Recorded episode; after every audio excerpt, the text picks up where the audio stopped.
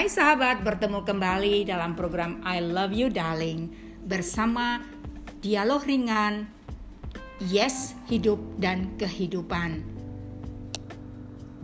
Yes, Yono, Evodia, Sandy dalam episode ini masih melanjutkan masa dewasa dari ketiga sahabat ini. Bersama saya, sahabat-sahabat saya, Yes, Yono. Evodia, Yes, Sandy lagi. Lagi, lagi, lagi. lagi. Nah, eh, kemarin kan saya sudah eh, ngomongin tuh Bun soal masa dewasa, hiruk pikuk, amburadul. Nanti tinggal kan sekarang kan eh, Gantian. gantian kan. Mbak Evodia. eh, Bunda.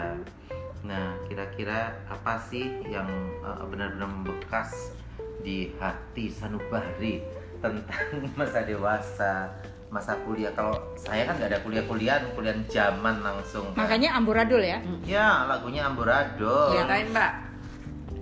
Oke, sa- saya akan cerita di awal di episode ber- sebelumnya juga saya sudah bicara saya anak Medan ya. Hmm. Oh, anak Medan. Bukan anak Betawi. Bukan anak Bukan Betawi. Betawi. Anak Medan ketinggalan zaman katanya. Anak Medan. Tak berpendidikan katanya. Kate siapa? Salah. salah. Ini anak Medan sekolah terus. Silakan. Gimana bun? Ya, jadi saya sampai SMA itu ada di Medan. Kemudian saya mulai mengadu nasib ya. Kuliah ke Jakarta. Tahu sendiri ya, anak Medan ya punya prinsip ketinggalan sekali zaman. keluar ya, sekali keluar kalau belum sukses tidak boleh kembali. Ada di sini. Hmm. Ya, waktu kecil kan ada mengenai air pancuran. betul betul kemudian mengenai teh pahit ya. Nah kalau ini sekali keluar harus sukses dan jangan kembali kalau belum sukses gitu ceritanya. Maka saya sekolah ya dan kuliah di Jakarta. Hmm. Mungkin masih ingat ya episode sebelumnya bagaimana ayah saya mendidik anak-anaknya. Meskipun dia punya sesuatu begitu ya, tetapi dia tidak mau membagikan itu. Maksudnya harta ya dia memberikan harta itu pendidikan. Lalu pada waktu itu saya memang ada dua pilihan sih. Saya ada di USU dan juga saya ada lulus di Jakarta. Tapi saya pilih di Jakarta karena saya suka dalam bidang kesehatan. Hmm. Meskipun tidak menjadi dokter gitu ya. Cita-cita sih pengen jadi dokter. Saya mengikuti kuliah. Nah ini yang mau saya cerita serunya nih ya. ya Saya kan cerita bagaimana orang yang pernah ada di atas lalu jatuh itu tidak Ya, enak ya. betul, orang betul. memandang sebelah mata. Hmm. Jadi saya mengisinya apa? Saya harus sukses, sukses, sukses, sukses. Teh pahit, teh pahit, teh manis, naik kemudian susu, gitu ya. itu kalau di Aceh jadinya teh tarik Nah, kemudian saya berusaha lagi gimana supaya saya bisa kuliah dengan baik. Jadilah saya aktivis. Oh Padahal saya di Medan pendiam. Sama kayak Mbak Sandy kan diam, tiba-tiba jadi model ya. Ya, Itu kan ya. sesuatu yang yang nggak pernah kita bayangkan.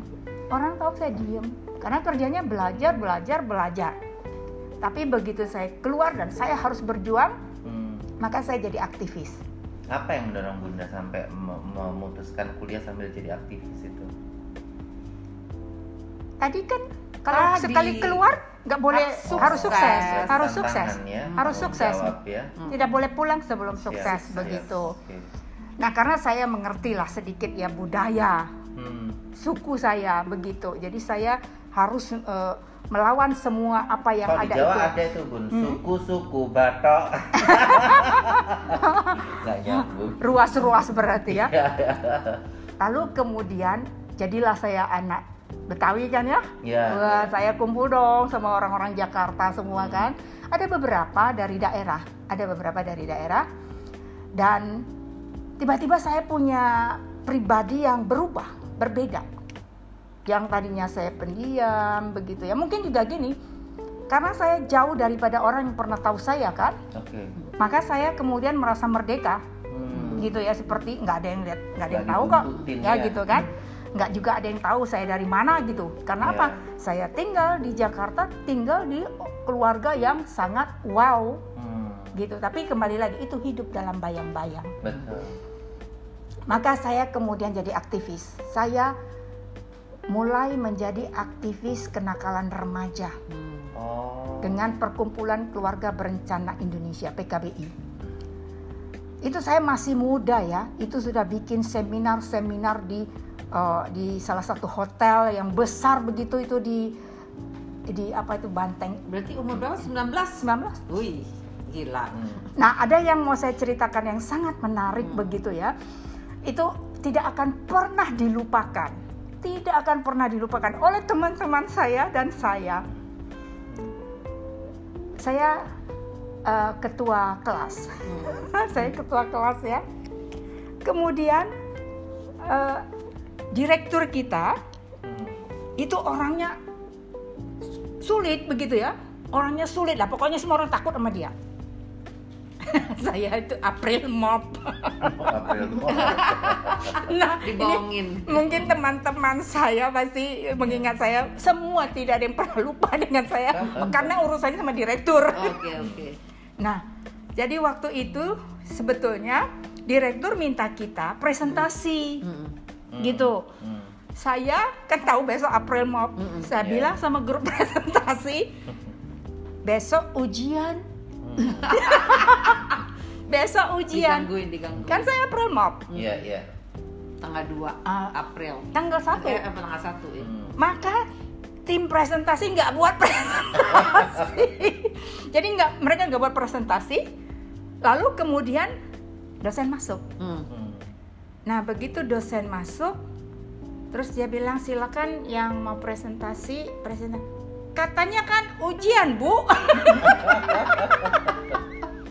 siapa yang bilang ujian Hmm. ketua kelas dan dia ngamuk Wow. ngamuk sekali Hmm. Oh ya? terus kemudian up fatal banget ya Hmm. itu fatal attraction Hmm. lalu kemudian saya bilang maaf ibu saya buat April mau ya dan saya saya tidak tahu Saya buat April. Iya.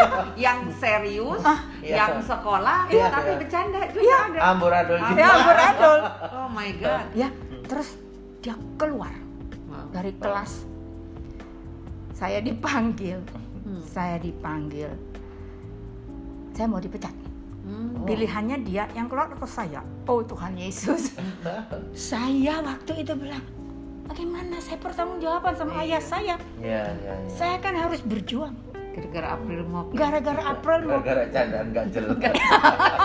itulah kalau yang Iya. rusak masuk Betul, kampung betul. nah saya datang menghadap saya minta maaf kemudian ada salah satu dosen saya dia baik banget.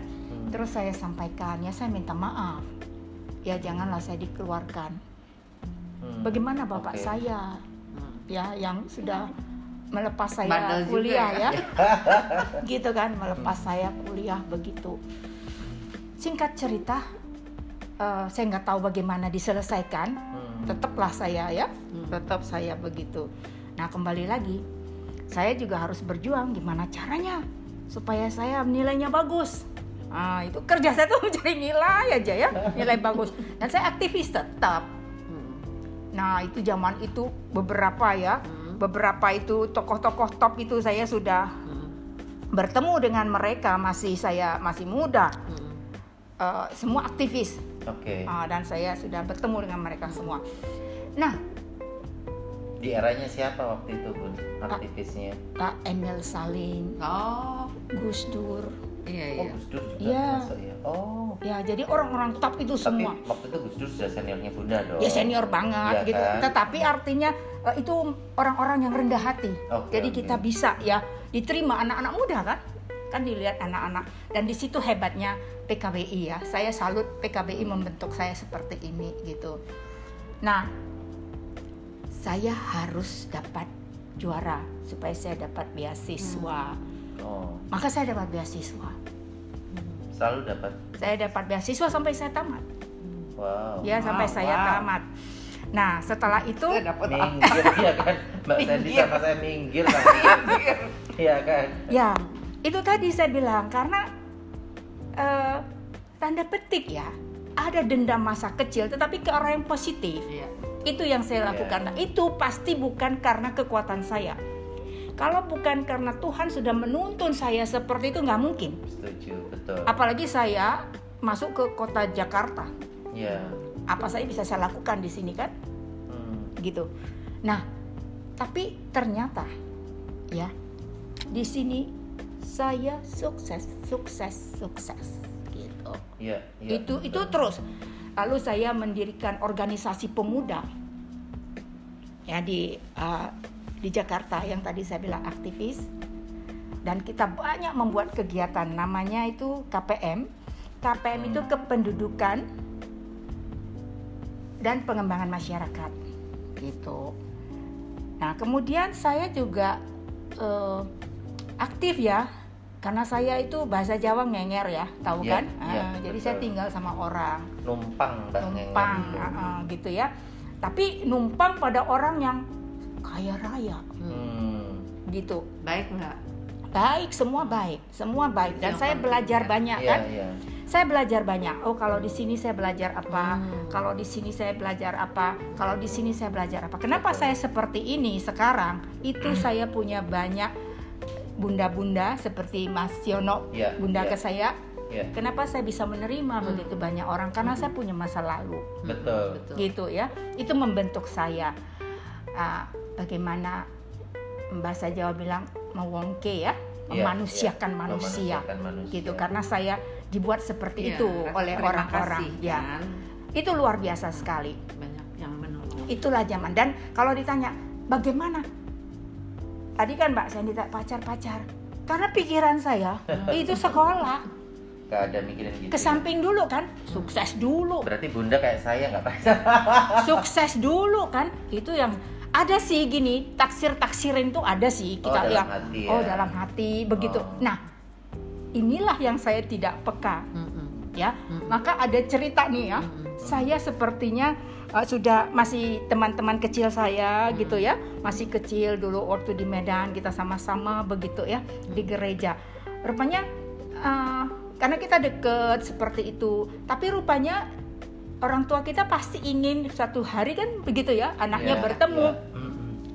Nah, karena saya dari kecil ya sama, ketika dia sudah kita dewasa ya mahasiswa begitu, ketemu lagi, ya saya pikir ketika dia datang ya karena saya adiknya, gitu sama-sama perantau, Betul. begitu ya. Sehingga saya nggak nggak peka, apalagi dia cerita saya eh, baru putus sama pacar saya gitu kan. Maksudnya Ah, saya kan itu dia. Kalau ya terus terus saya, oh iya, saya ikut sedih. nggak ngerti juga. Nggak ngerti. Lempeng-lempeng aja. lempeng aja Mm-mm. nggak terjadi Hmm. nah pada saat pada saat ya dia kemudian pikir ya ini orang nggak ada ide memang benar saya datar aja Si karena cowok itu senang, Mbak nggak respon gitu. ya nggak ngerti Nggak nggak Kok ngerti lucu zaman dulu kok nggak bilang suka gitu ya aneh juga. ya karena kita sama-sama dari Mm-mm. kecil Oh, gitu iya, kan iya. sama-sama Berteman ya dari kecil. nah sampai kemudian Malu begini juga kali mbak. saya Malu dia pulang saya mau saya mau temuin dia Ya. begitu dia mau pulang begitu dan saya dengar dia menikah dan saya merasa kehilangan Wow. gitu aja Oh. jadi eh, kehilangan apa karena berarti sudah dia nggak akan datang lagi melihat saya sebagai Iya, adik iya, gitu.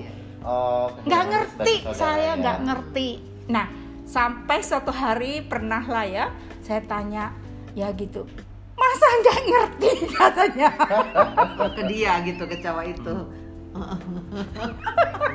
Bilang, saya bilang saya nggak ngerti kalau nggak to the point sorry kalau pendidikan kalau soal sekolah saya itu ya ngerti kan? tapi kalau dalam hati ada eh, apa namanya yang eh, Suka. yang suka kalau nggak diungkapkan mana tahu saya Iya. Betul. gitu ya karena saya orangnya kan eh, saya suka saya kejar gitu kan itu Coba. saya gitu ya ini dia kejar tapi saya kok nggak ngerti gitu aja Betul. Coba Nah. dulu Bunda sudah berteman sama Mbak Sandy mesti langsung dikasih tahu. ini adalah rumusnya ini.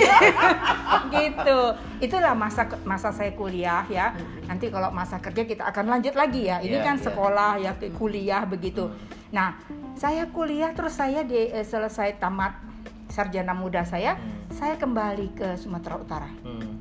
saya bertugas di Sumatera Utara Oh balik lagi. balik lagi saya tugas di sana nah ini ada pengalaman menarik gitu ya Baik. saya kan orang Batak Ya. pergi ke Jakarta.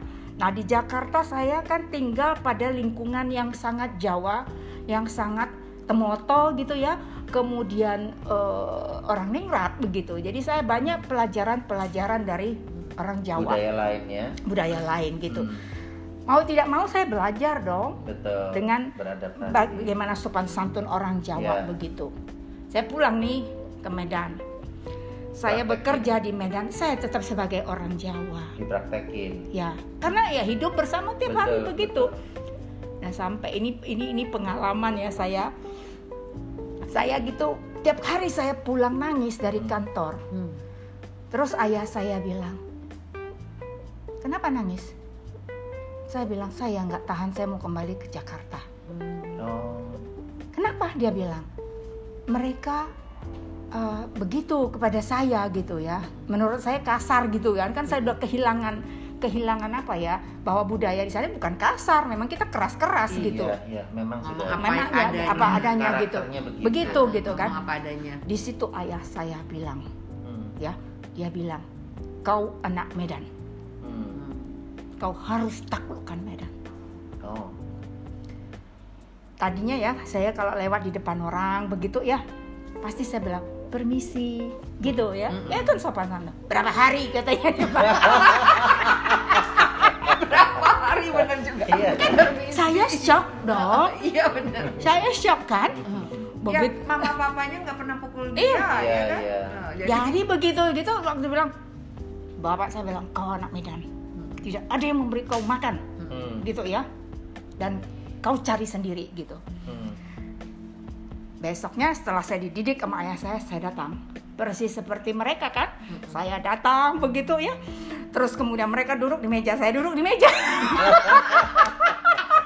Balik lagi jadi orang Medan. balik jadi orang Medan kan Oh Iya. ya. balik Di jadi orang Medan mereka. ya kan gitu sambil ngobrol kan biasa iya. gitu ya kita duduk-duduk begitu kan Hmm. saya juga ikut juga nggak pakai permisi lagi Oh. nah gitu nah dalam dua minggu saya diutus tugas ke Jakarta Hmm. ya kan ini namanya transisi budaya ya uh, culture shock ya. Iya. itu saya berangkat ke Jakarta. Bertemulah sama teman-teman saya orang-orang hebat yang di Jakarta yang dulu saya aktivis kan. Terus dalam acara itu kita bertemu. Terus dia bilang kayaknya lo baru aja pergi dari Jakarta udah kampungan gini ya kan karena saya udah gaya Medan Betul, betul. aduh saya bilang salah lagi Di Medan salah, di Jakarta salah. Iya. itu bener-bener loh Hmm. ya kan kalau orang Medan tuh sendiri kan lihat seperti oh begitu kan Betul. dia bilang lo baru dua minggu udah kampungan kayak gini gitu kan Waduh salah saya nah di situ saya mulai belajar ya kalau ada peribahasanya pak kalau kita di kandang kambing kita mengembik Hmm. kalau kita di kandang harimau ya kita mengaum jadi kita harus pandai meletakkan di mana bumi dipijak di situ langit dijunjung Ya, Nah, itulah ya. ya. kalau ditanya bagaimana masa masa masa saya Iya. kuliah gitu ya belum ke, mar- ke arah dewasa ya nanti Betul, kita bicara betul. ke arah dewasa baiklah sahabat tanpa terasa Tinggal Terpesona kita ya. Iya, betul. Tinggal Anak kita Medan. menunggu kan eh, cerita dari Mbak Sandy ya kan, dalam episode berikutnya Iya, ya iya, iya. kita Oke. akan akhiri episode ini dan sampai bertemu pada episode berikutnya I love you darling Yes, Yono. Evodia Sandy. Bye.